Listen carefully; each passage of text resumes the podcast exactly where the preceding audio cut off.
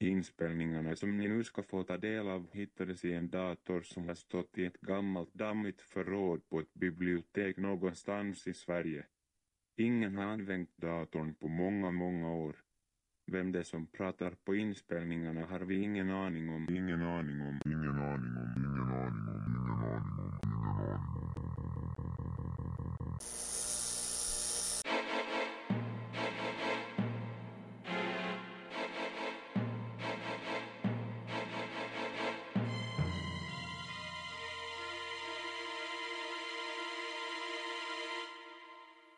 Det finns en gammal historia om en flicka som på sin bröllopsdag leker kurragömma med bröllopsgästerna och gömmer sig så bra att hon inte återfinns.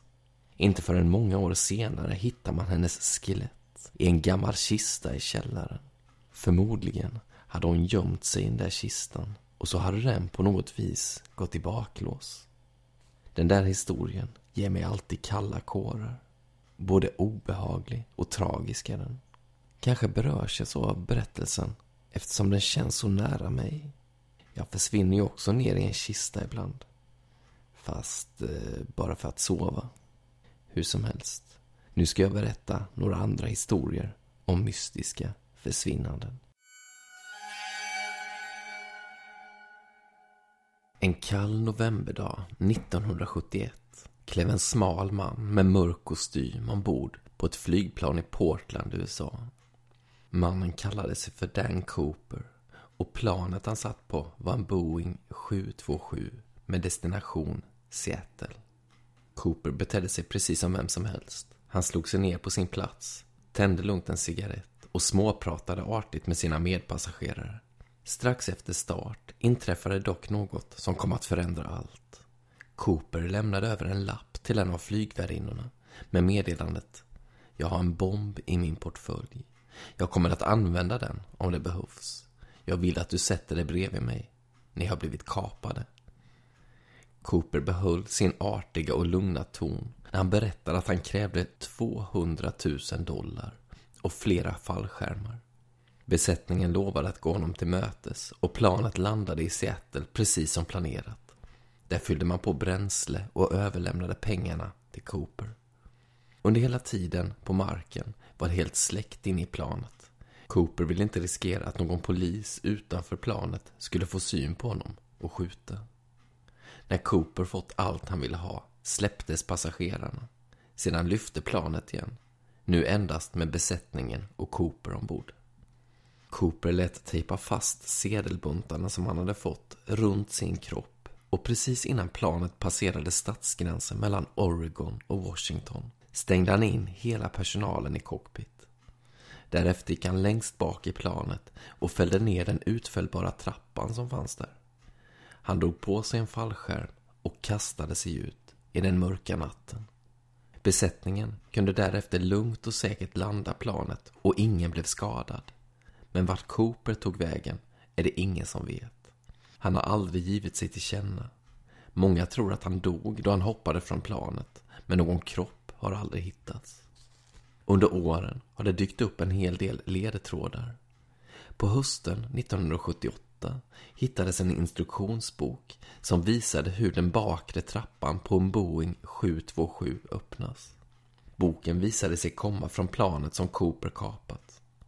Några år senare hittade en pojke en liten del av lösensumman i Columbiafloden. 294 20-dollarsedlar flöt omkring i vattnet, men kaparen själv lyste med sin frånvaro. Trots att över tusen misstänkta förhörts under åren har polisen inte lyckats lösa mysteriet. 1995 påstod en man vid namn Dwayne Weber att det var han som var Dan Cooper och polisen trodde till en början att de hade hittat rätt man. Weber var nämligen väldigt lik Cooper, så som vittnen ombord på planet hade beskrivit honom. Men när man tog hjälp av DNA insåg man att Weber ljög. Han var inte den försvunne kaparen. Än idag är det ett mysterium vad som hände med mannen som kallade sig Dan Cooper. Lever han gömd någonstans? Eller dog han då han dödsföraktande kastade sig ut från planet den där natten? Det kommer vi nog aldrig att få veta. Utanför Skottlands västra kust hittar man ögruppen Flennanöarna. En av de större öarna i denna ögrupp är Eileen Moore. En stenig och karg ö med ett blåsigt och ogästvänligt klimat. Eftersom ön är stenig och vågorna höga omkring den är den inte lätt att ta sig i land på. Ön är obebodd och endast två byggnader finns på hela ön. Ett litet, för länge sedan raserat kapell och en fyr. Numera är fyren automatiserad, men för hundra år sedan fanns det fyrvaktare på plats som såg till så att fyren fungerade som den skulle. Sent en kväll i december år 1900 står kapten Holman bakom spakarna på en ångbåt som banar sin väg över den becksvarta Atlanten. Kaptenen, som känner till denna del av havet väl, blir plötsligt väldigt fundersam. Han vet att han just nu passerar Eileen Moore, men han kan inte se något ljus från fyren på denna ö. Detta är märkligt eftersom det för tillfället ska finnas tre fyrvaktare på plats. Kaptenen fortsätter förbi ön, men när han lägger till med båten i en hamnstad på Skottlands fastland berättar han genast att någonting är fel med fyren. Det dröjer fram till den 26 december innan en båt tar sig till ön för att ta reda på vad som har hänt. Redan när räddningsbåten lägger till vid ön börjar båtens kapten Joseph Moore ana oråd. Flaggan som fyrvaktarna brukar hissa när en båt anländer syns inte till och ingen människa är där och möter upp heller. Inte heller får han något svar när han ropar och skjuter signalskott. Han beordrar hela besättningen att gå i land och leta efter fyrvaktarna. Moore tar sig upp till fyrhuset och bankar på dörren. Ingen öppnar och han stiger in. I köket är allt välstädat, undanplockat och diskat. Alla saker står på sin plats. Moore känner sig dock illa till mods och väntar på resten av sin besättning innan han ger sig upp till den övre våningen. Men även här är allt i sin ordning. Inget verkar konstigt. Snart hittar man en av fyrvaktarnas loggbok. Hans namn är James Duckett. Den sista anteckningen som han skrivit är för den 15 december. Samma natt som kapten Holman åkte förbi den mörka fyren. Enligt loggboken ska denna dag ha varit lugn. Inga överdrivet hårda vindar, inget oväder. Hur kommer det sig då att alla tre fyrvaktarna är försvunna? Kapten Moore och hans besättning funderar länge och väl, men kommer inte fram till något svar på denna fråga. Någon vecka senare ger sig en ny expedition ut till ön för att lösa mysteriet. Man hittar då något intressant, nämligen rep och verktyg som ligger utströdda på stranden nedanför en klippa. Vid denna klippan finns även en kran som inte fungerar som den ska. Kan det ha varit så att fyrvaktarna försökt reparera kranen när en gigantisk stor våg kom och sköljde ut dem i havet? Det är i alla fall vad männen som undersöker saken gissar. Men denna förklaring håller inte riktigt hela vägen. Enligt många olika källor ska vädret ha varit ganska lugnt under dagen då fyrvaktarna försvann. Och under sådana stilla dagar brukar vågorna inte vara höga. En annan konstig sak upptäckte man när man tittade i fyrvaktarnas skåp. I James Duckets och Thomas Marshalls skåp fanns inga regnställ. Detta tyder på att dessa två män gav sig ut i natten av någon anledning. Men den tredje fyrvaktaren, Donald McCarthys regnställ och hans skor fanns kvar i skåpet. Varför tog inte han på sig dessa kläder om han gav sig ut tillsammans med sina kamrater? Under åren har massor av människor försökt lösa mysteriet med de tre försvunna fyrvaktarna. Teorierna har varit många och vissa mer extrema än andra. Det finns de som tror att utomjordingar förde bort männen. Andra har gissat att ett stort odjur klev upp ur havet och slukade dem. Att det skulle vara spöken som på något sätt fick männen att försvinna låter otroligt. Men det sägs att om man befinner sig på ön kan man höra hur någon långsamt viskar fyrvaktarnas namn i vinden. Owen Parfit levde hela sitt liv i staden Shepton Mallet i södra England. I sina yngre dagar var han känd som en riktig skurk och när han blev gammal skröt han gärna om hur han en gång varit en ökänd pirat. Han kunde berätta om alla de hänsynslösa saker som han gjort mot andra utan att visa den minsta ånger. År 1763 hade han blivit tvungen att flytta hem till sin syster eftersom han blivit svårt handikappad. Han kunde nästan inte röra sig. Det var en solig dag i juni detta år som Parfit bad systern att få komma ut på trädgården en stund. På grund av sitt handikapp kom han nästan aldrig ut och nu ville han känna sommarluften i sina lungor.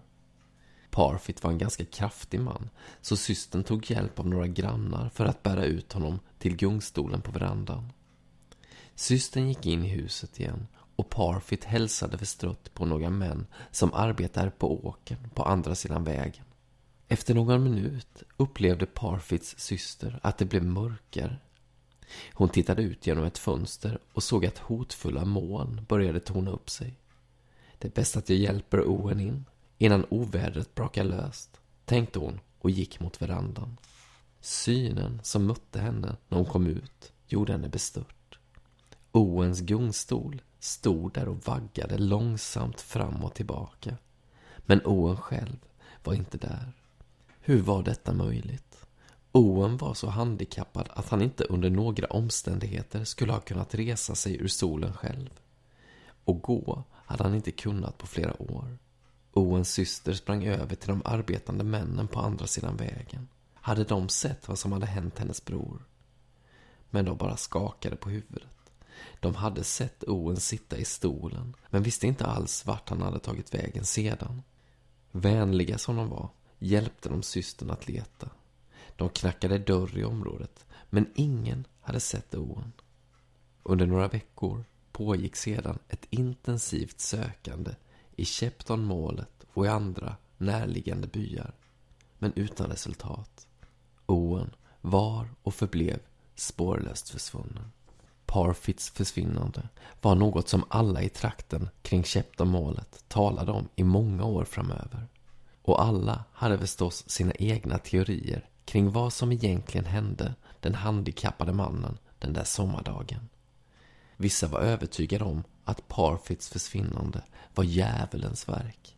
Att Hin Håle själv dök upp från underjorden och snappade åt sig Parfit. Andra trodde att Parfit slutligen straffades för hur han behandlat sina medmänniskor i sina yngre dagar. Kanske hade någon ur hans förflutna dykt upp och utkrävt hämnd. Men än idag är det ingen som vet vad som hände Owen Parfit. År 1992 intervjuades författaren Joseph A. Citro i radio.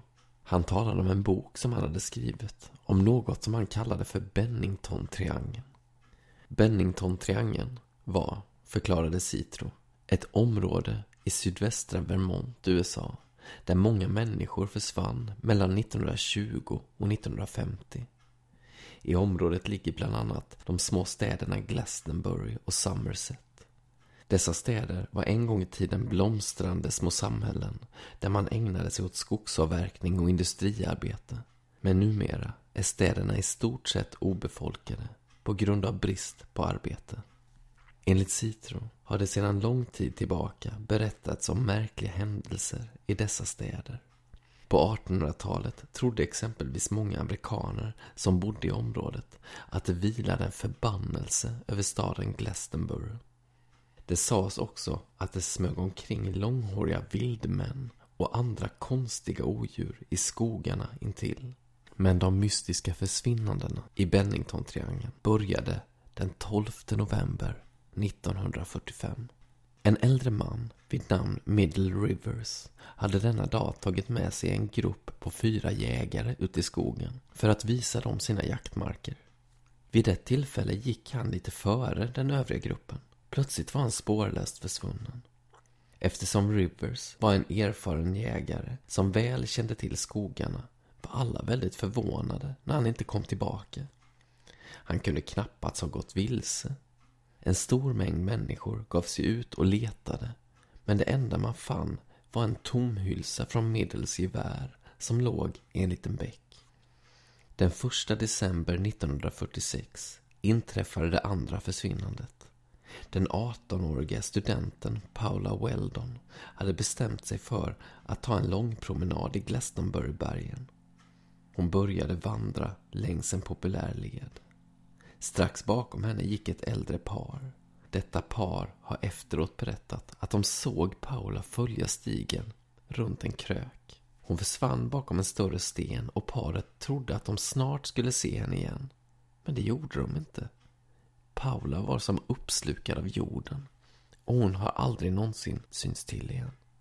Den före detta soldaten, James T. Ford, klev i december 1949 ombord på en buss tillsammans med 14 andra passagerare. Tiford hade varit på en liten resa runt omkring i Vermont och var nu på väg hem. Han var trött och satt och sov i ett av bussätena. Men vad som hände sedan är väldigt, väldigt oklart. Medpassagerarna påstår nämligen att Tiford plötsligt från en sekund till en annan bara försvann. Hans bagage och alla ägodelar fanns kvar på bussen, men han själv syntes aldrig mer till. I mitten av oktober 1950 försvann en pojke vid namn Paul Jeppsson från en lantgård där hans mamma arbetade med att ta hand om djuren. Mamman gick iväg ett kort ärende och lät Paul stanna kvar i svinstian och leka med grisarna. När hon kom tillbaka var pojken borta.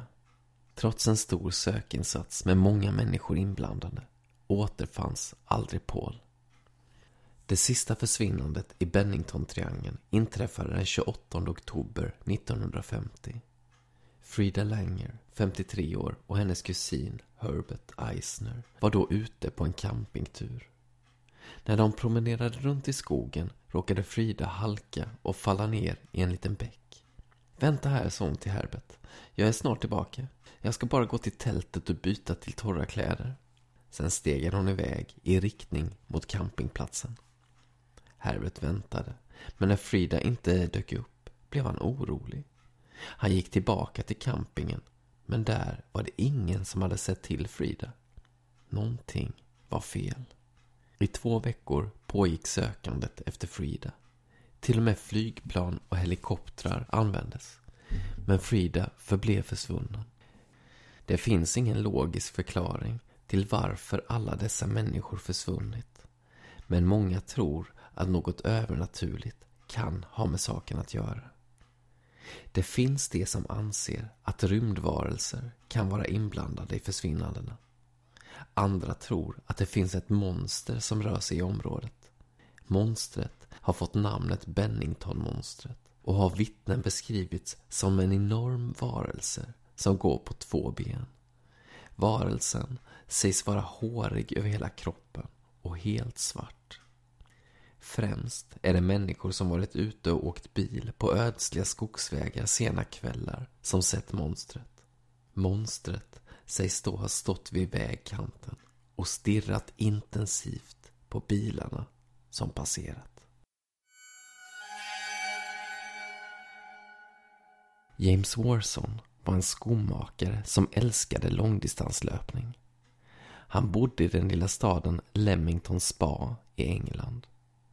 En fin sensommarkväll 1873 när han och hans vänner umgicks på en pub kom de att börja tala om löpning. James, som hade gott självförtroende, fick plötsligt för sig att göra något oväntat. Han slog vad med sina vänner om att han skulle klara att springa hela vägen till Coventry innan morgonen grydde dagen därpå. Hans kamrater trodde aldrig att han skulle klara det. Det var ju ändå en sträcka på två och en halv mil som det rörde sig om. Men de lovade att följa med honom på sina hästdragna vagnar. Warson började springa och avverkade den första milen utan problem. Han var uppspelt och skojade och skrattade till och med medan han sprang. Men så plötsligt, mitt på vägen, snubblade han till på någonting. Han föll framåt samtidigt som han gav ifrån sig ett hjärtskärande skrik. Så, mitt i fallet, tystnade skriket tvärt och Warson försvann. Hans kropp träffade aldrig marken.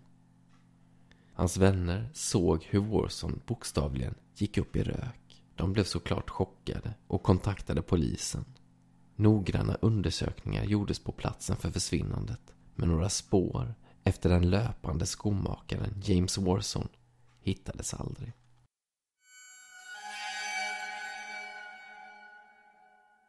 Slutligen ska jag läsa en historia som heter Kvinnan i den röda basken. Du hittar den i boken Illustrerade spökhistorier. Stationen är nu stängd. Stationen är nu stängd. Dånade meddelandet när Tarek störtade mot grindarna på tunnelbanestationen. En vakt höll precis på att dra igen dem. Men det står på avgångstavlan att det ska gå ett tåg om en minut, sa Tarek med vädjande röst. Får jag springa ner och försöka hinna med det? Du kan ju alltid försöka, grabben, svarade vakten och släppte in honom. Men eh, du kommer aldrig att hinna, tillade han. Trots att Tarek knappt hörde honom när han spurtade förbi. Och gott nytt år på dig förresten, mumlade vakten buttet. Tarek rusade nerför rulltrappan med fötterna ivrigt smattrande mot metallen.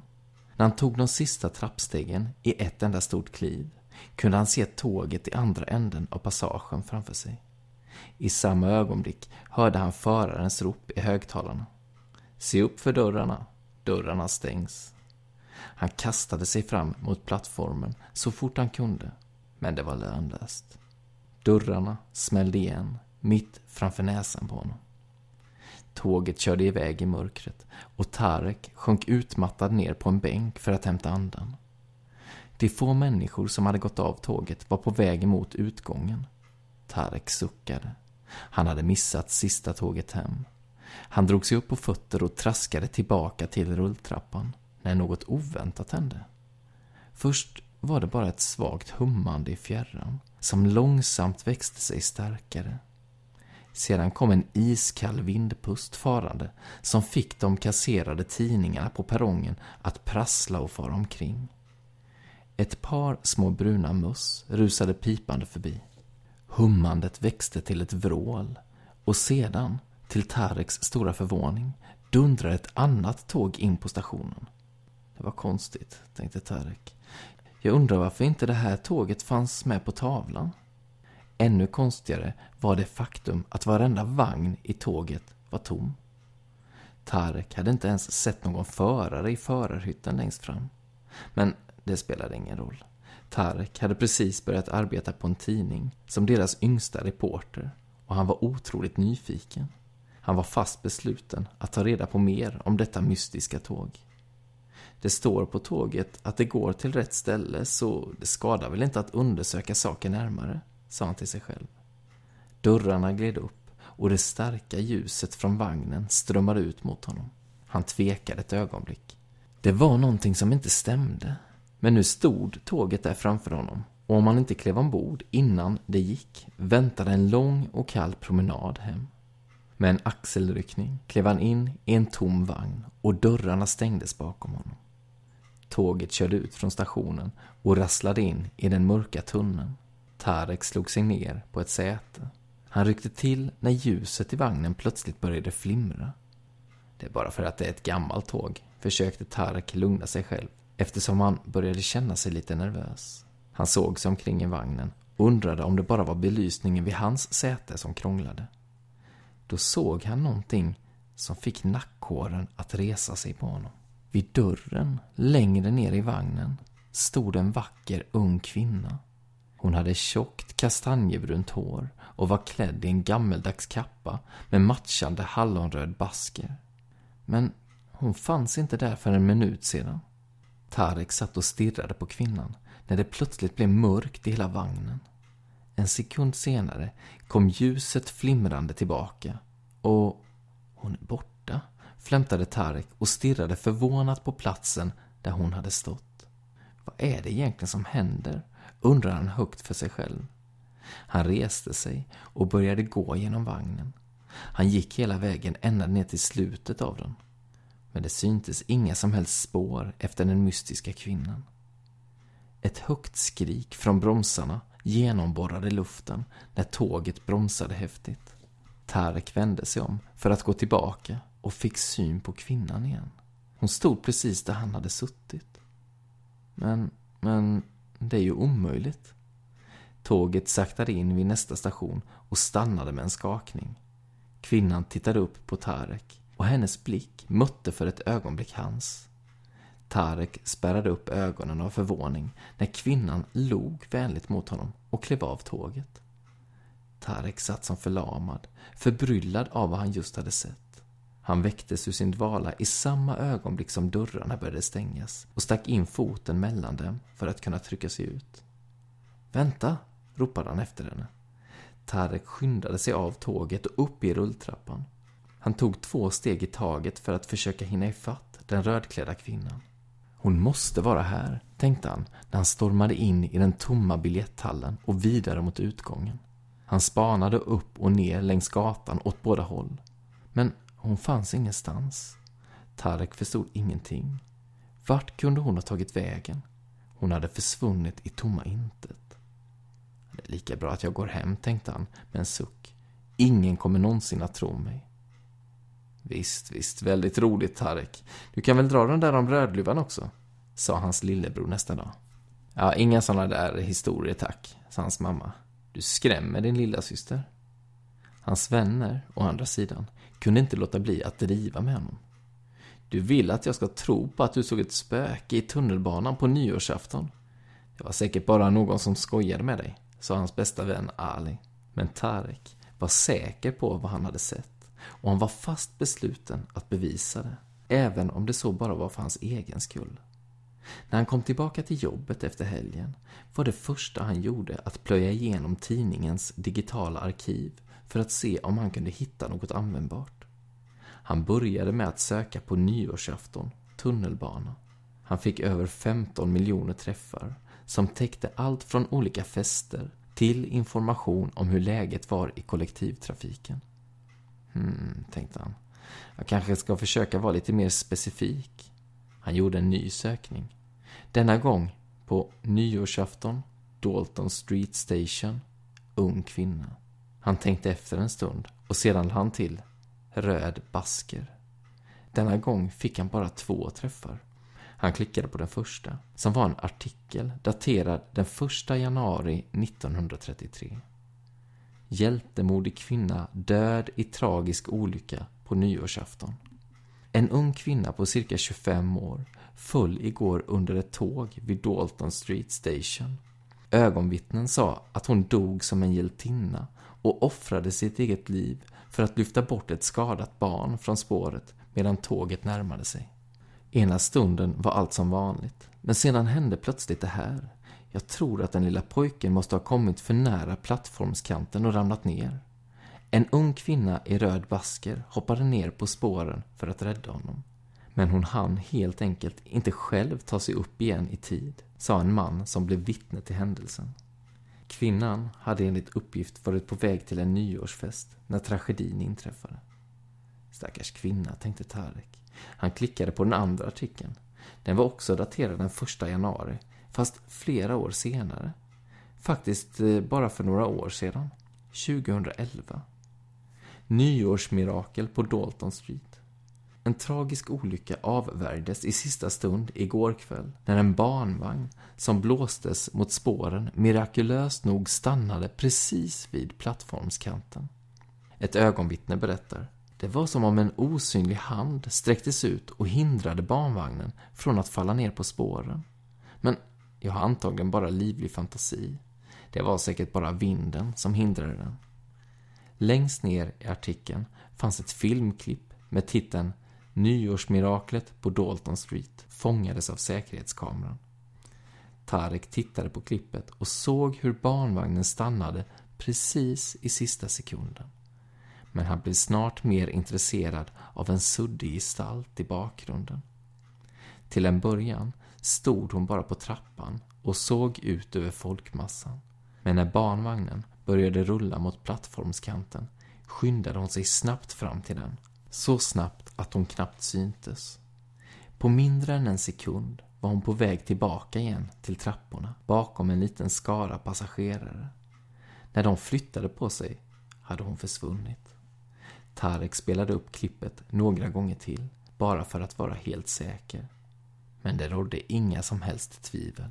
Han kunde urskilja hennes långa, bruna hår, den gammeldags vinterkappan och en hallonröd basker. Det var hon, flämtade han. Efter det, när Tarek gick till Dalton Street Station, höll han alltid utkik efter kvinnan i den röda basken. Ibland, och alltid på en nyårsafton, trodde han att han såg henne. Men i nästa ögonblick var hon försvunnen. Hon hade alltid samma vänliga leende när hon vakade över folkmassorna för att se till att alla passagerare kom säkert hem. Mm, den där kvinnan hade en fantastisk förmåga att försvinna och sen dyka upp igen vid rätt tillfälle. Snart är det även dags för mig att försvinna. Men först ett hett tips. Ondskan finns där ute. Så håll ögonen öppna.